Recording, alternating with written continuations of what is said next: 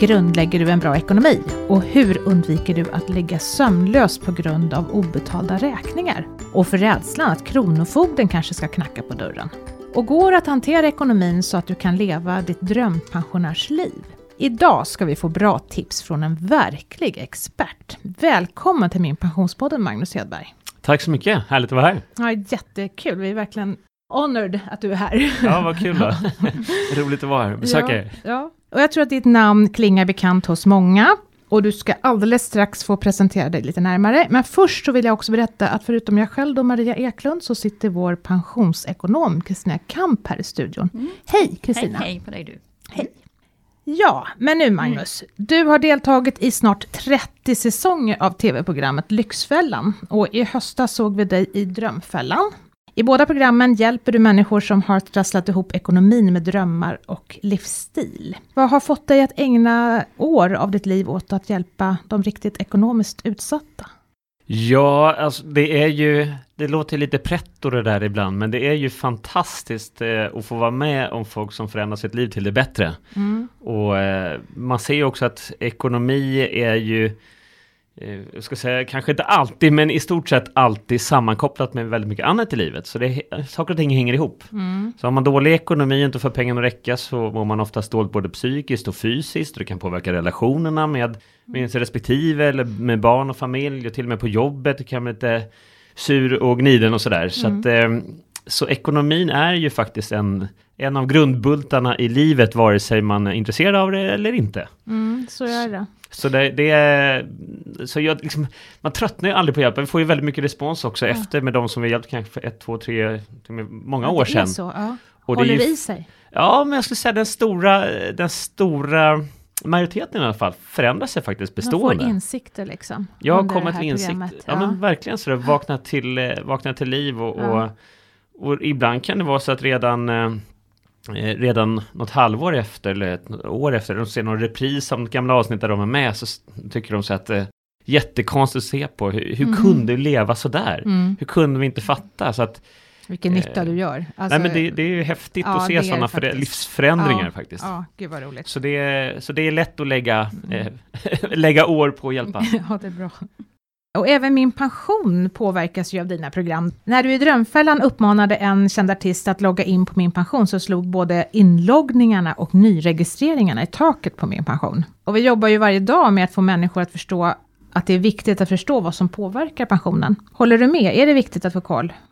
Och i så fall, varför? Ja, det, för det första är det jättekul att se att det blev lite, lite drag på inlogget då, för just det är ju verkligen viktigt att väcka det där engagemanget för, för pensionen. Mm. För det är klart att pension, det är väl få som tycker det är superintressant, som inte i alla fall börjar närma sig. Det är klart att ju närmare pensionen kommer, ska du gå i pension om ett eller två år så är du rätt påläst och tror jag rätt intresserad av det eller kanske besviken över att man inte blev, var intresserad tidigare i livet. Mm. Men för en 20-25-åring så är det ju enormt svårt att väcka ett intresse för pensionen som ligger ljusår bort mm. i deras medvetande. Mm.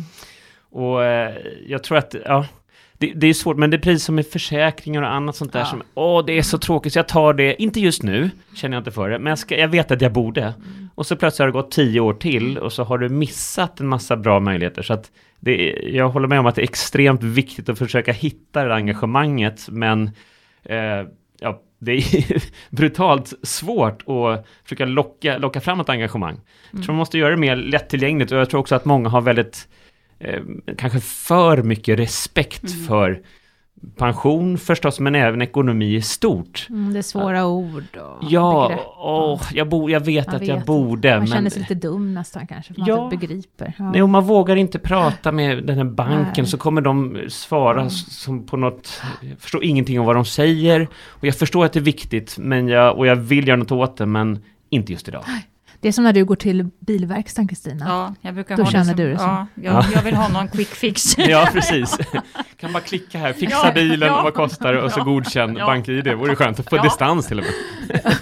Och så pratar de om saker som jag förstår inte alls vad de pratar Nej, om. Och liksom precis. kardan och allt vad det är för Ja, verkligen. Man bara, ja, ja, ja, ja. Ja. Så jag brukar jämföra med det, att, att jag kan en massa om pensioner, men jag kan ingenting om bilar. Där kan jag förstå just det här. Känslan liksom. Och du måste Ja. översätta.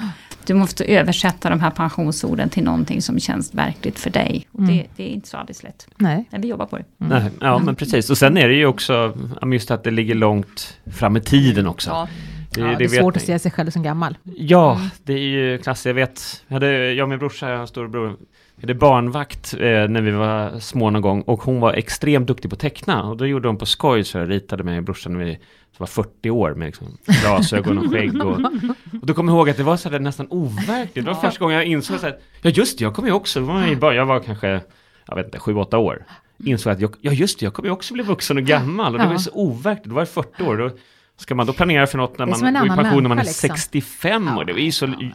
det är så men långt fram så det, det gör att man tappar intresset för att... Ja. Jag tror att du är jätterätt, jag tror att du är jätterätt ute där. Jag tror verkligen att det där att du måste förstå att ja, hur blir jag när jag blir gammal? Jag kanske inte blir som de här farbröderna och tanterna idag, utan jag måste liksom visualisera, men jag då? Hur kommer jag? Jag som är liksom hipster idag, jag kommer liksom, hur ser en hipsterpensionär ut? Ja, exakt. för, att, för annars tror man helt enkelt att det är en annan person, det är fast inte jag. Nej. Nej men precis, det var, som man säger sådär att Ja, men hela tiden också att det kryper ner i åldrarna. Att, eh, för pensionärer, det var någon som satt upp med lång rock och matade duvorna på torget redan Mm. när de var 55. Och idag en 55-åring idag går ju på konserter och hoppar fallskärm. Och, alltså det, det är en helt ny värld där också. Ja, Vi blir ju äldre och äldre också. Ja. Så att, eh, vilket gör att pensionen blir viktigare och viktigare på det sättet också. Mm. ja det kräver ju mera pengar.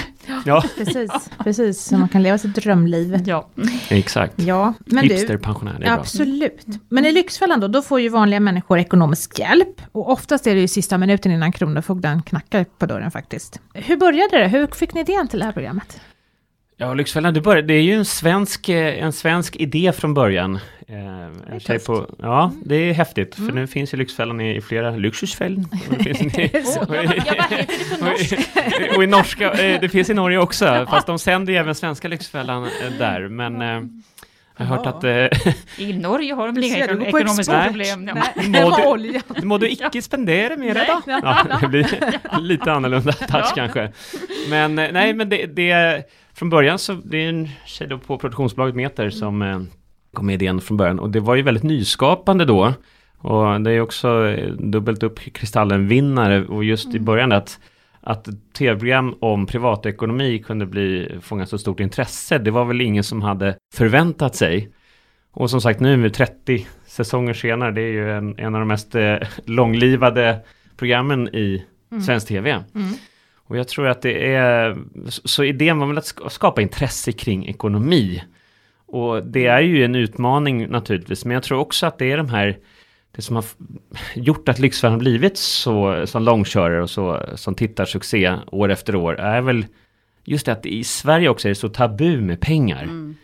Men om frågar en amerikan så det en årsinkomst, year income, det är inget konstigt. Det, det kan man prata ganska öppet om. Men Sen- i Sverige så får man ju inte från någon vad de tjänar. Och därför blir det ju intressant att komma in på samma sätt som folk eh, kanske går in på någon bostadssajt eller Hemnet och titta hur och grannarna ska sälja längre ner på gatan. Vad spännande att se hur de har det inne. Ja. Och det är klart att det är ännu mer spännande att få se hur någon granne eller någon annan person som har ungefär samma jobb eller inkomst som man själv har, hur har de det i plånboken? Det blir väldigt spännande. Men pengar är ju så mycket känslor också.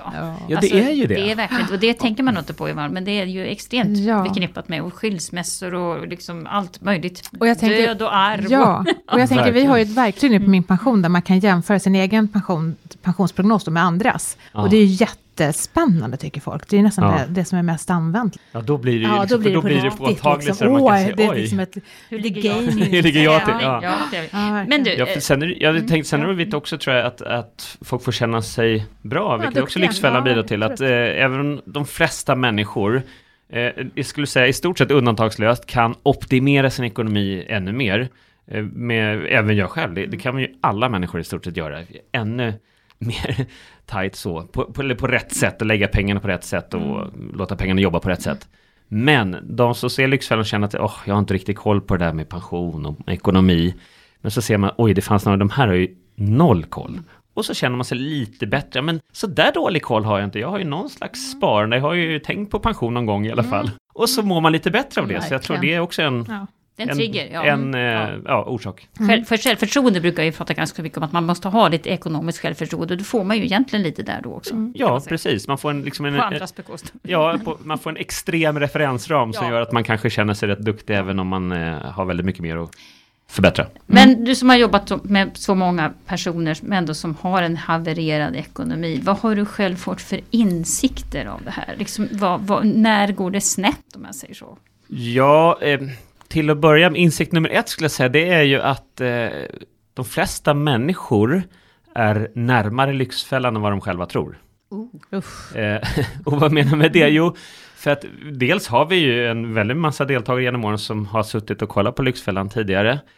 Och sen eh, tyckte jag, ah, hur tänker man, hur kan de göra så här, vad håller de på med? De är helt tappade bakom en vagn. Och så plötsligt bara, någon dag så får de säga, vänta det där är ju jag. Och ser någon som de kan identifiera sig med.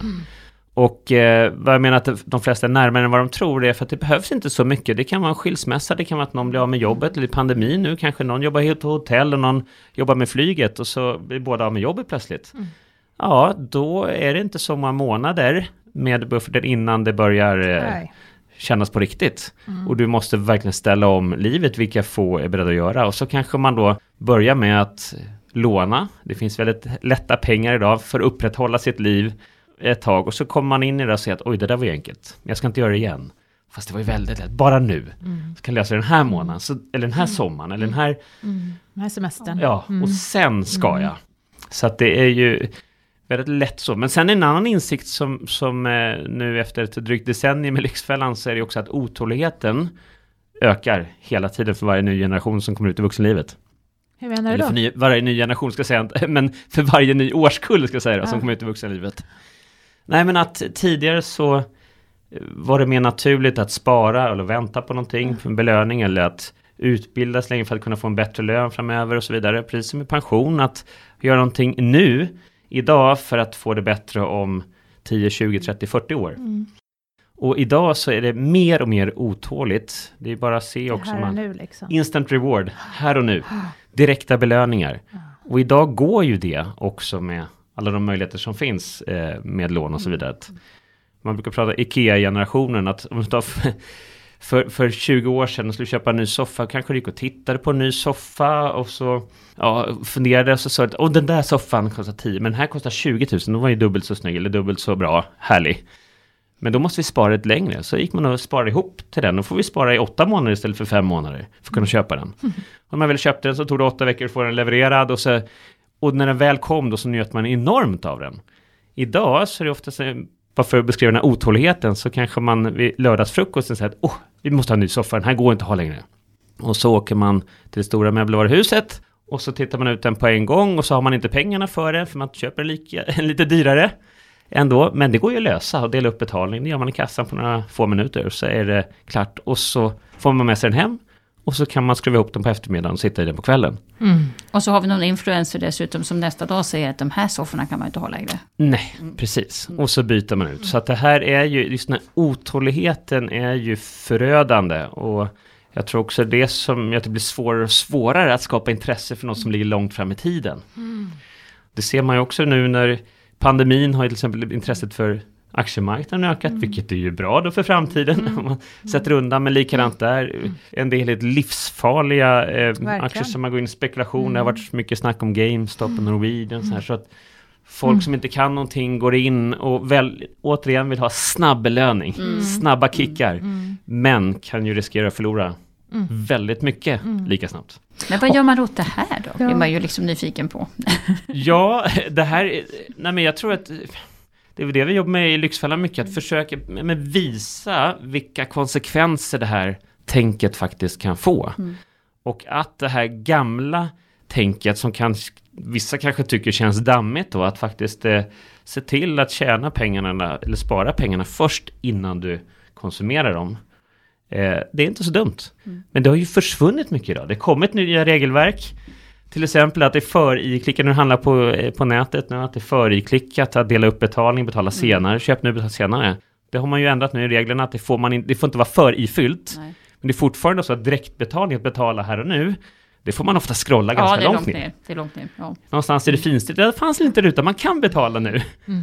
Och det är ju Ja. ytterligare ett tydligt exempel på att hur galet det har blivit. Mm. Och det betyder inte bara för att i stort sett alla e-handelssajter gör likadant, så betyder inte det att det är ett bra sätt att göra. Det betyder bara att det är fler som lockar in många omedvetna konsumenter på fel spår. Mm.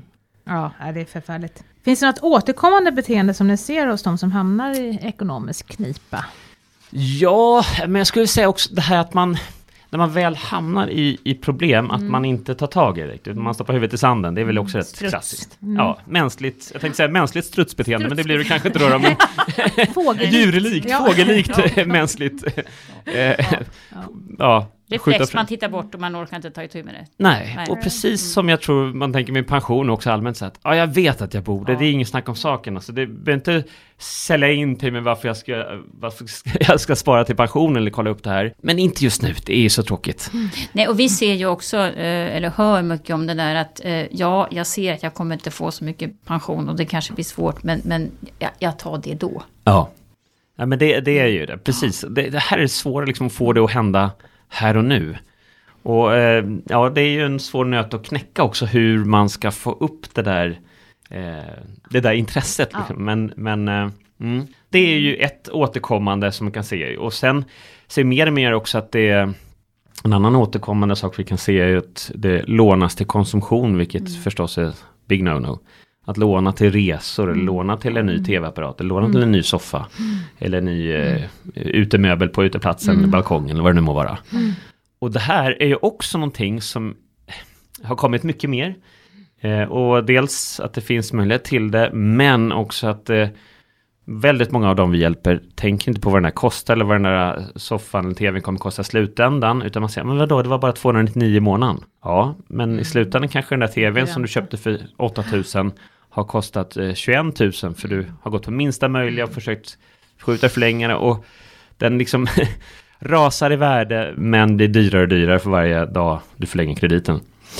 Men finns det en press också på att man liksom ska leva det här tjusiga livet? Har det, är det någonting som har hänt eller? Ja, det tycker jag också man ser som en, en, också en gemensam röd tråd för många av dem vi har att de mår dåligt. Man kan se när vi ringer på dörren och, och liksom, eh, man ser, träffar dem för första gången så kan man ibland se väldigt fina hem. Jag kommer ihåg ett speciellt fall där vi kommer i ett men, eh, bra villaområde. Fint, två glada hundar sprang på tomten, verkligen gräsmatta, två bilar och en husvagn stod på uppfarten. Kommer in, nyrenoverat, hela huset, nya golv, nytt kök, nya badrum. Men så såg man den här, eh, bara sprutar ångest i hela, ur hela auran från de här två personerna som var allt bara för att hålla den här fasaden. Ja. Och ingen, det är väldigt ofta de vi hjälper så det, har de inte berättat, det är ingen i deras närhet som vet, varken föräldrar eller syskon, kollegor, grannar, vänner. Utan de har hållit där, så, men ni har väl inga problem med pengarna? Ni har väl alltid haft pengar? Och så är det då inte sällan ett totalt luftslott. Och det är ju, tror jag, eh, nu ja, låter man ju som 200 år gammal om man säger, men dagens, nej men sociala medier, för det bygger Ja, en Mm, skev referensram. Ja. Och det här blir tyvärr, för det skrämmas lite bara värre och värre. För de unga då som växer upp, de ser nu med influencers och så vidare, så förstår de kanske inte att de här får gratis produkter eller gratis eh, renoveringar, gratis kläder för att visa upp dem för alla sina följare och göra reklam. Men eh, det är klart att då blir det så att jag vill också ha likadana. Säger hon eller han som jag ser upp till så här att jag ska köpa det här, ja då går jag och gör det, så löser jag det på något sätt. Ja, det är svårt för, som förälder att hålla emot också. Ja, absolut. Enormt svårt. Ja. Ja. Man känner att mina barn ska inte bli mobbade för att de liksom har fel jeans och fel tröja. Och, och, Nej. Och det där är ju, bara se det med teknikutveckling, liksom, det är ju vad som anses vara inom citationstecken Svensson-tillvaro idag, Mm. Svensson-liv för många i Sverige idag. Det är klart att det finns eh, hela skalan. Men jag tycker det, den nivån har ju enormt bara de senaste tio åren. Det ska vara tv-apparat i varje rum, alla ska ha senaste mobiltelefonen, det är datorer, det är surfplattor, det är eh, ha två bilar och de ska åka på eh, skidsemester på vintern och det... Ah, alltså Ja. bara det där som anses vara ett normalt sådär, ja men van, vanligt svenssonliv är ju egentligen ett lyxliv för Väldigt många. dyrt. Det är Precis. jättedyrt. Jag försöker Ja. liksom räkna på det. Jag förstår, jag förstår faktiskt inte hur folk har råd. Men Nej. de kanske inte har det då. Nej, de har, Nej, många de har ju inte faktiskt inte det Nej, heller. nej. Och eh, det är ju väldigt många som, som köper konstgjord andning. Ja. Men du, om man nu har väldigt små marginaler, om jag ska komma med något bra handfast tips då från dig som verkligen kan det här. Vad är viktigt att prioritera? Om man liksom tänker att nu måste jag ändå försöka själv och jag kanske inte hamnat riktigt i skiten. Men, men liksom hur, och jag kanske liksom. är ung och på väg in ut i livet. Vad, vad är liksom, vad ska jag prioritera? Ja, eh, till att börja med så tycker jag att man, man får börja jag brukar säga svarva ner livet utifrån och in. Så man har att själva kärnan är ju basen, alltså boendet. Att ha mat på bordet och tak över huvudet det är ju det första, så det är ju det mest prioriterade. Hyran. Eh, ja, betala hyran Ja, och och se till lånet. att ha mat Mm. på eh, bordet se till att Ja. sköta den delen. Mm. Och att ha en hemförsäkring till Mm. exempel, och såna här, de här basgrejerna. Sen tycker jag också att man ska fråga sig vad man själv prioriterar, vad man själv tycker är viktigt. Mm. Likadant här också, när det är så mycket influenser utifrån, så är det lätt att, eh, speciellt för unga, lite vilsna tidigt i livet, som inte kanske riktigt har landat i sig själva, vem de är eller vad de vill i livet, att man påverkas lite för mycket. Mm. Och så blir de lite vilse och tänker, nej men vänta nu har jag dragit på mig saker, egentligen så mår jag inte så bra av det, eller jag tycker inte det är så roligt, men jag förväntas göra det, tror jag. Mm. För att alla mina kompisar gör det, eller alla mina vänner, eller mina kollegor, eller vad det nu är. Våga säga ifrån. Så att vå, våga vara ärlig mot sig själv och vara ärlig mot sin egen plånbok. Jag har inte de här möjligheterna. Och där ser vi också väldigt många gånger i Lyxfällan som personer har sagt, men eh, jag vill inte att det här, jag vill inte, vill vill inte prata om det här att vi har ekonomiska problem. Det är klart, det är väl inget man går och skyltar med på stan kanske och skriker ut på stan. Vi har jättejobbigt, vi har ekonomiska problem. Men om man är ärlig mot sina vänner och bekanta och familj och så vidare så tror många av våra deltagare, då kommer de vända mig i ryggen eller då kommer de sluta umgås och tycka hur kan ni ha försatt i den här situationen, hur kan ni vara så, eh, ursäkta ut med dumma i huvudet, hur kan ni göra så här mot er själv? Men det som händer när de är ärliga och säger som det är, vi har faktiskt inte råd med det här, vi har det här. Det som händer då är att de flesta, riktiga vänner i alla fall, blir tvärtom. Mm. Men oj, varför har inte sagt någonting? Men självklart, vi kan, vi kan ställa upp. Eller, nej, men det är klart vi inte behöver åka iväg på en weekendresa. men Nu är det lite inaktuellt. då, Men för att umgås. Vi kan umgås hemma, vi kan göra det här. Vi kan bjuda dig på en bio eller vad det nu är för, i vanliga fall. Då. Och Så det att, kan ju vara så att man faktiskt, eh, att, att fler kommer efter och vågar erkänna att de, inte de heller har råd, tänker jag. Att det liksom blir okej att säga det. ja, och så är det väldigt ofta. Så att då, då kommer det upp just från vänner och bekanta. Ja, vi hade också tufft. För tre Mm. år sedan var vi riktigt nere Ja. under isen där. Vi, ett- Mm. Ja, kanske Mm. någon föräldraledighet eller någon blev arbetslös eller något som hände. Något annat. Så att, eh, Mm. Ä- vara, våga vara ärlig helt Mm, enkelt. och också. framförallt svarva ner, tänk vad vill jag prioritera i mitt liv? Mm. Men du, de, här- de här som är mest utsatta nu då, hur får man dem att inte tappa livsgnistan? För det är ju lätt. Ja, det är ju lätt och där ser man ju också att det finns väldigt Alltså det är väldigt lätt så, nu, speciellt i de här tiderna med, när många har varit isolerade också, så är det ju ännu större risk att man tappar livsgnistan och så vidare. Men där tror jag att det är eh, ja, men viktigt att börja fundera också på vad man själv kan göra åt situationen. För det, det finns ju till exempel, har man väldigt små marginaler, det finns ju saker man kan göra. Om man nu är närmare pensionen så finns det veteranpoolen till exempel. Det finns andra sådana här tjänster att man kan hitta sammanhang eller i sådana här uh, idrottsföreningar till exempel. Du kan jobba ideellt. Visst, de små marginaler, men för att få en lite gnista tillbaka, ett Mm. sammanhang och eh, få här, jo, här är jag behövd. För det är oftast de här grundläggande mänskliga behoven som, som man måste liksom bocka i innan man kan komma vidare och höja blicken. Så att man får lite människovärde att ja, men, gå in och kör som tränare eller lagledare. Det finns alltid uppgifter i närmaste idrottsklubb till exempel. Eller andra föreningar, musik eller vad det nu handlar om. Hitta ett sammanhang tror jag som är väldigt viktigt. För att sen också kunna höja blicken och kanske knyta kontakter och se att men du, vi skulle behöva lite hjälp här. Är det något som du kan tänka dig komma in och jobba kanske varannan helg och stå i kafeterian? Ja. Och då Och behöver s- man inte tröstshoppa heller då? Hinner man inte? Nej, det hinner man inte. Nej. Nej. men jag tror Ja. väldigt många går ju vilse där också. Att de tror att men jag bara köper den här senaste mobiltelefonen. Eller den där snygga väskan. Eller byter upp med till en lite vassare bil så kommer jag bli lycklig. Och det är ju också en erfarenhet som jag tagit med från Lyxfällan. Det är väldigt sällan där det sitter. Utan det, den shoppinglyckan blir extremt kortvarig. Och ju längre ner ett shoppingberoende du är, ju kortare blir kicken. Mm. Och ju större blir ången och ångesten i efterhand. Ja. Så det där är ju oftast bara en, en, en lura sig själv, utan försök hitta det som är viktigt på riktigt. Mm. Hur skapar man realistiska drömmar då? Ja, eh, nummer ett tror jag att det, att det gäller att liksom beta ner dem, eller spalta upp dem lite. För likadant där också, precis som med pension som är så här, jättemånga år framåt i tiden, för, eh, för de unga i alla fall då. Men eh, precis som en dröm att ja, men jag vill göra det här, vill köpa eh, sommarstuga om några år eller vill eh, kunna jobba halvtid och ägna mig åt mina intressen istället och så vidare. Så tror jag att du måste börja backa band, okej. Okay. Om det här ska bli verklighet om tre eller fem eller tio år, vad måste jag göra här nu? Vad måste jag göra idag? Och liksom lista ner det, konkretisera så att man delar upp det här målet. Mm. För det är väldigt många människor som går runt med stora drömmar som hade kunnat infrias med ganska små medel om man bara hade gjort det. Mm. Den stora grejen är att de flesta går och dagdrömmer, men och så tycker man att ja, men alla andra lyckas, alla andra har nått sina drömmar, alla andra i min bekantskapskrets har gjort det här. Ja, men vad, har, vad är det som skiljer där då? Mm. Men då tänker jag pension, för att jag menar ett stående inslag i Lyxfällan det är ju den här tavlan. Ja. Med tusenlapparna och hundralapparna och så får man göra en budget. Ska man göra en pensionärsbudget rent utav? Ja, jag tycker man borde, borde testa och, och äh, ja, leva som pensionärslivet. Man kollar mm. sitt, äh, sprättar sitt kuvert och testar så här, okej, okay, jag, nu ska, jag kanske kommer få ut halva min inkomst eller 60-70% bara av inkomsten. Testa och leva så en månad och se, men är det här något som jag kan vilja leva sen när jag blir pensionär? Och om inte, så kanske det är dags att, att, att växla upp lite. Mm. Jag tror också att det kan vara ett sätt för att väcka den här pensionslusten, men vänta nu, är det det här vi snackar om? Ja. Så vill jag absolut inte. Jag vill inte bara äta liksom, eh, makrill i tomatsås och dricka vatten eh, sista 20 åren. Så upp med, upp med pensionärsbudgeten på en tavla och se vad den, vad den ska räcka till. Ja, men det är ju lysande. Det är ju nästan vad vi brukar säga också. Ja. Ja. ja. men jag tror men, ja. men, men just det här att konkretisera, för ja. de här drömmarna, det är så lätt att det blir något fluff-fluff. Jag drömmer om ett landställe. Mm. Men vi visade ju något, jag kommer ihåg för många år sedan, en eh, person som som var tvungen att flytta från hus som man drömt om ett eget hus man har hyrt och liksom aldrig, jag har aldrig haft råd, det har bara varit, eller vi har aldrig haft råd. Våra vänner har köpt hus, vi har sett hur de liksom gått om och förbi och mm. dragit ifrån i, i livet då. Eh, enligt honom, men då, ja, till exempel rökning.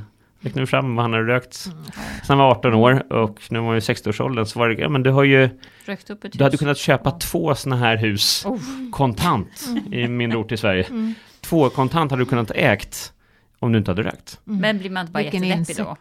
Ja, ja, ja, det är då man tappar livsgnistan. Det är då man tappar livsgnistan, ja precis. Det är så, så dags liksom. Men, men det är sådana saker som jag tycker är viktigt att visa unga. Att, ja, man tycker, att se att sådana här små mikrobeslut mm. i vardagen, så tycker man det spelar väl ingen roll, 50 kronor ett paket eller 100 kronor, eller var det de här småinköp eller den där äh, kaffen på stan på vägen till jobbet varje dag ja, det blir några tusenlappar per år. Om du istället investerar dem till exempel så kan det bli enorm skillnad och över tid. Och det är ju det här man måste få upp förståelsen för och därför tror jag det är bra ibland att visa de här skräckexemplen ja. som gäller avarterna då av ekonomiskt eh, oansvarigt beteende och se att det här kan hända. Och jag tror det är också därför de visa Lyxfällan-avsnitt på skoltid till exempel för att mm. visa just det. Mm. Men du, hur viktigt är det att spara? Och liksom, hur ska man tänka kring sparande? Ja, eh, spara är ju, det säger vi alltid liksom, det är inte alltid vi har eh, marginaler att kunna mm. budgetera för ett sparande när vi eh, lämnar våra deltagare, för det är ju extremfall vi, vi jobbar mm. med ju till vardags. Men, men, men, i vardagen? Generellt sett så är det ju extremt viktigt att spara. Mm. Och eh, likadant här också, det, jag, jag, kan bli ibland lite trött på den här eh, allmänna synen på sparande, för jag tycker, nu ska jag inte säga alla, men, men jag hör väldigt många unga som liksom ser det antingen svart eller vitt så. Att antingen så är du en så här levnadsglad, härlig person mm, som ja. lever livet och liksom, ja men du vet, och, och, bränner de pengar du får in och så har man ett härligt liv. Eller så är det sån här tråkmåns som sitter hemma eh, framför dataskärmen och kollar Excel-arken och räknar varenda slant och inte unnar dig liksom ens pålägg på mackan fast det är helg. Och så finns det ingen mellanting. Mm. Och den här är liksom någon, någon myt eller felaktig bild. Och jag menar att det, det, finns ju i allra högsta grad en gyllene medelväg här. För inget av de där ytterligheterna är speciellt bra över tid. Och just därför att det här mm. sparandet, får in det som naturlig del. Men Alla finns det någon tumregel, den här 10% av lönen eller liksom bara... Ja, och det finns ju massa sådana tumregler, 10% mm. av nettoinkomsterna att sätta undan. Det är väl en bra tumregel, mm. men eh, jag skulle säga så här att den är ju väldigt grov. Oh. För det är klart om du är, eh, om du nu är ung och eh, bor i en hyresetta och inte har någon bil och knappt någon cykel, men det, det är inte så mycket oförutsett som kan hända, så då behöver du inte ha lika stort sparande och lika stor buffert. Eh, för går kylen sönder så är det hyresvärden som gör det. Men det är klart om du, du har kommit lite längre i livet kanske, du har hus, landställe, båt, två bilar, du har ja, inte en råd massa saker. Nej, då är det väldigt mycket som kan gå sönder. Ja, ja. Värmepumpen går sönder, då måste du ha en större buffert och då måste du ha ett helt annat sparande. Sen skulle jag säga det också att den här generella en del sätter ut sparande från, eh, från starten de får sin första lön. Mm. Eh, så att, ja men jag ska, jättebra, autogiro 1000 kronor i månaden eller 2000 kronor i månaden säger vi då. Men sen är det väldigt få som, just med autogiro ligger, det är det Ja, som är det fördelen med att det ligger, Ja, det ligger tickar. kvar, ja. Plötsligt har det gått 20 år och så kanske de har dubbel eller tredubbel lön mot vad de hade en gång när de tog sitt första jobb. Men det är fortfarande samma tusenlapp som dras för autogiro. Så man ska, man ska Så lägga löneförhöjning på sparandet också då med andra ord? Ja, i alla fall eh, en del av det. Och sen är det ju det klassiska att först se till att man har ett buffertspar för oförutsedda utgifter eller en tandläkarräkning eller någonting för att inte komma in i lånekarusellen. Och sen nummer två är ett målsparande. Det kanske är då till en eh, en sto- eller bättre resa eller renovera köket eller vad man nu, eller köpa landställe, vad man har för drömmar då. Och eh, tre, det sista, det långsiktigt sparande förstås då med pension eller för, för framtiden, kanske köpa drömhuset om, om sådär 25 år. Mm, Ja, just det. Ja, 25 år, men det är bra. Alltså om du är Mm. 20 så Ja. kanske du köpa det när du är 45. Ja, Eh, när du har familj och när du behöver utrymmena. Så att det, det är väl de här liksom i den ordningen också. Skaffa ett buffertsparande som är lättillgängligt och sen eh, målsparande för det är lite på längre sikt. Och sen det riktigt långsiktiga sparandet till pension och eh, liksom livssparandet som jag brukar säga. Det är bra råd. Men det du gör egentligen med dina program, det är ju akututryckningar och då kanske liksom inte, det är inte så ofta ni pratar pension i, i ert program, annat än med någon, en och annan kändis, eller på att säga. De som du har hjälpt till Lyxfällan, eh, det, kommer de att vara bättre förberedda för sin pensionär, för sin pension tror du? Hur tänker du själv kring pension? Ja, jag tror ju att de kommer vara bättre rustade så tillvida att de eh, har fått ett annat ekonomiskt tänk. Som sagt, vi följer upp dem i efterhand också, även utanför tv, en månad i tv, men även i efterhand. Och jag skulle säga att tummen, pekfingret är någonstans två, tre, två tredjedelar av de vi hjälpt som faktiskt ändrar sig bestående. Så jag tror att de har en bättre förutsättning. Just att för, ofta så handlar det om att få respekt för pengar eller förstå pengars värde lite grann. Så eh, på det sättet tror jag att de är bättre rustade. Och själv med min egen pension så Ja, jag började väl pensionsspara först när jag var 25 som pluggade lite och Bara jobbade. 25. Ja, eller Bara var det 25. bara Ja, men, Inte tidigare. eller hur? Det är, ja, plump i protokollet där. Men, men, men då, eh, sen nu så har jag ju alltid haft ett långsiktigt sparande så, ett tänk, men jag kan ju alltid säga, jag tycker inte heller det är jättekul med varken försäkring eller pension sådär. Men däremot så tycker jag att må- många åt, lite som vi pratade om tidigare det här, att man ser att det är, eh, ja men allt det där är så tråkigt, men det är också ännu tråkigare att faktiskt inte ha pengar eh, längre fram i livet. Eh, när kanske andra runt omkring en har de möjligheten. Ska du med på den här resan? Nej, jag har inte råd att sitta här och äta snabbmakaroner.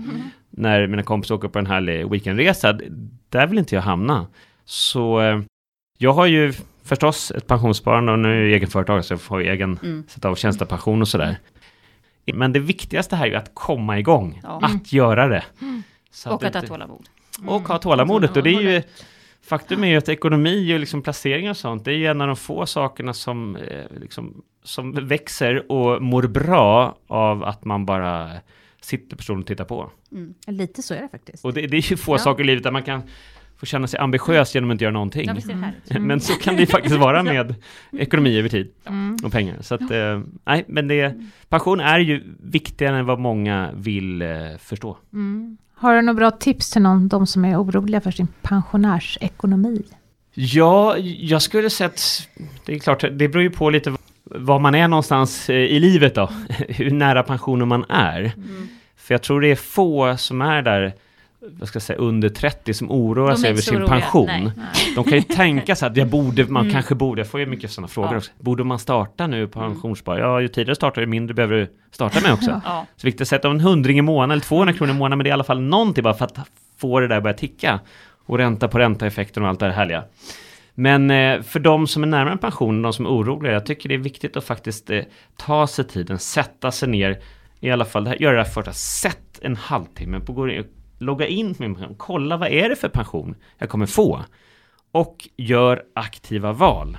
Det här pratar jag väldigt mycket om i alla ekonomiska sammanhang, att gör aktiva val, att det inte bara blir som det blir. Och om man nu säger att ja, men jag vill leva ett roligt liv, jag vill eh, bara spara jättelite pension, ja, gör det då. Det är ditt liv, det är dina beslut. Men se till att göra ett medvetet aktivt val, att jag väljer att hellre eh, dricka kaffe för pengarna än att spara dem. Mm. Ja, men gör det då. Men se till att det inte bara blir så, så ångrar du dig när det är dags, utan då har du gjort ditt livsval. Mm. Och då vet du när du går i pension, ja, men jag valde att leva mitt liv lite högre takt under de eh, arbetsaktiva åren med den baksidan att jag får en liten eh, snålare pension. Mm. Så aktiva val tycker jag. Och sen finns det ju också sätt att få extra inkomster. Att man hela tiden, typ de som då inte är nöjda och känner att de börjar närma sig pensionen. Titta på, ja, försök hitta någonting extra. Innan det är för sent. Tack så mycket Magnus för att du kom hit idag.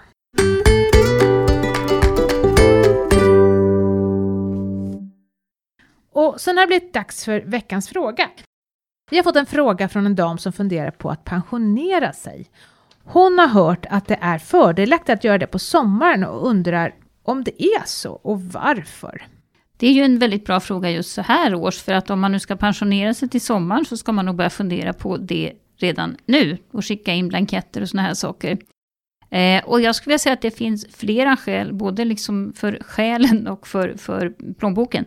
Men om vi börjar med plånboken så är det så här att om man pensionerar sig mitt i ett år så kan man både tillgodogöra sig jobbskatteavdraget för det året samtidigt som man får lite lägre skatt på pensionen, i synnerhet om man går i pension före det år man fyller 66. För att fram till 66 års ålder betalar man faktiskt högre skatt på pension än vad man gör på lön. Så att av det skälet är det bra att, inte precis mitt i sommar, men ändå se till att man får så att säga pengar från båda påsarna. Att du får delar av jobbskatteavdraget också som sänker din totala skatt. Eh, sen är det väl också så att många passar på då att jobba Dels är ju våren är ju ganska lätt att jobba på, det är ganska mycket ledigheter, det är påsk och Kristi himmelsfärdsdag, så att det är mycket ledigt ändå. Eh, och varför inte då sluta med en förlängd semester och så bara fortsätta och vara ledig efteråt. Mm, det är nice. Mm. Mm, man går på semester så kommer man aldrig tillbaka. Ungefär så. Ja, Härligt. Mm. Sen ska man grilla i ösregn i november. Ja, ja. eller hur? ja. Tack för att du har lyssnat på oss idag. I dagens program deltog Magnus Hedberg från bland annat tv-programmet Lyxfällan. Jag själv Maria Eklund och så Kristina Kamper från Min Pension. Min Pensionspodden produceras av Min Pension som är en oberoende tjänst som ger dig koll på alla dina pensioner. Hör gärna av dig till oss. Mejla på podd.minpension.se. Du kan föreslå saker du tycker vi ska ta upp i kommande avsnitt eller ställa frågor som du vill att vi ska svara på. Vi släpper nya avsnitt varannan fredag. Tidigare avsnitt hittar du i kanaler där poddar finns, till exempel Acast, iTunes och Spotify. Där kan du också följa podden och då missar du ju inte när vi släpper nytt. Och kom ihåg att dela avsnitten också med dina vänner så hjälper du fler att få koll på vad som påverkar pensionen. Vi hoppas att vi snart hörs igen. Var rädd om dig och dina pensioner till dess. Ha det bra. Hej! Hej då!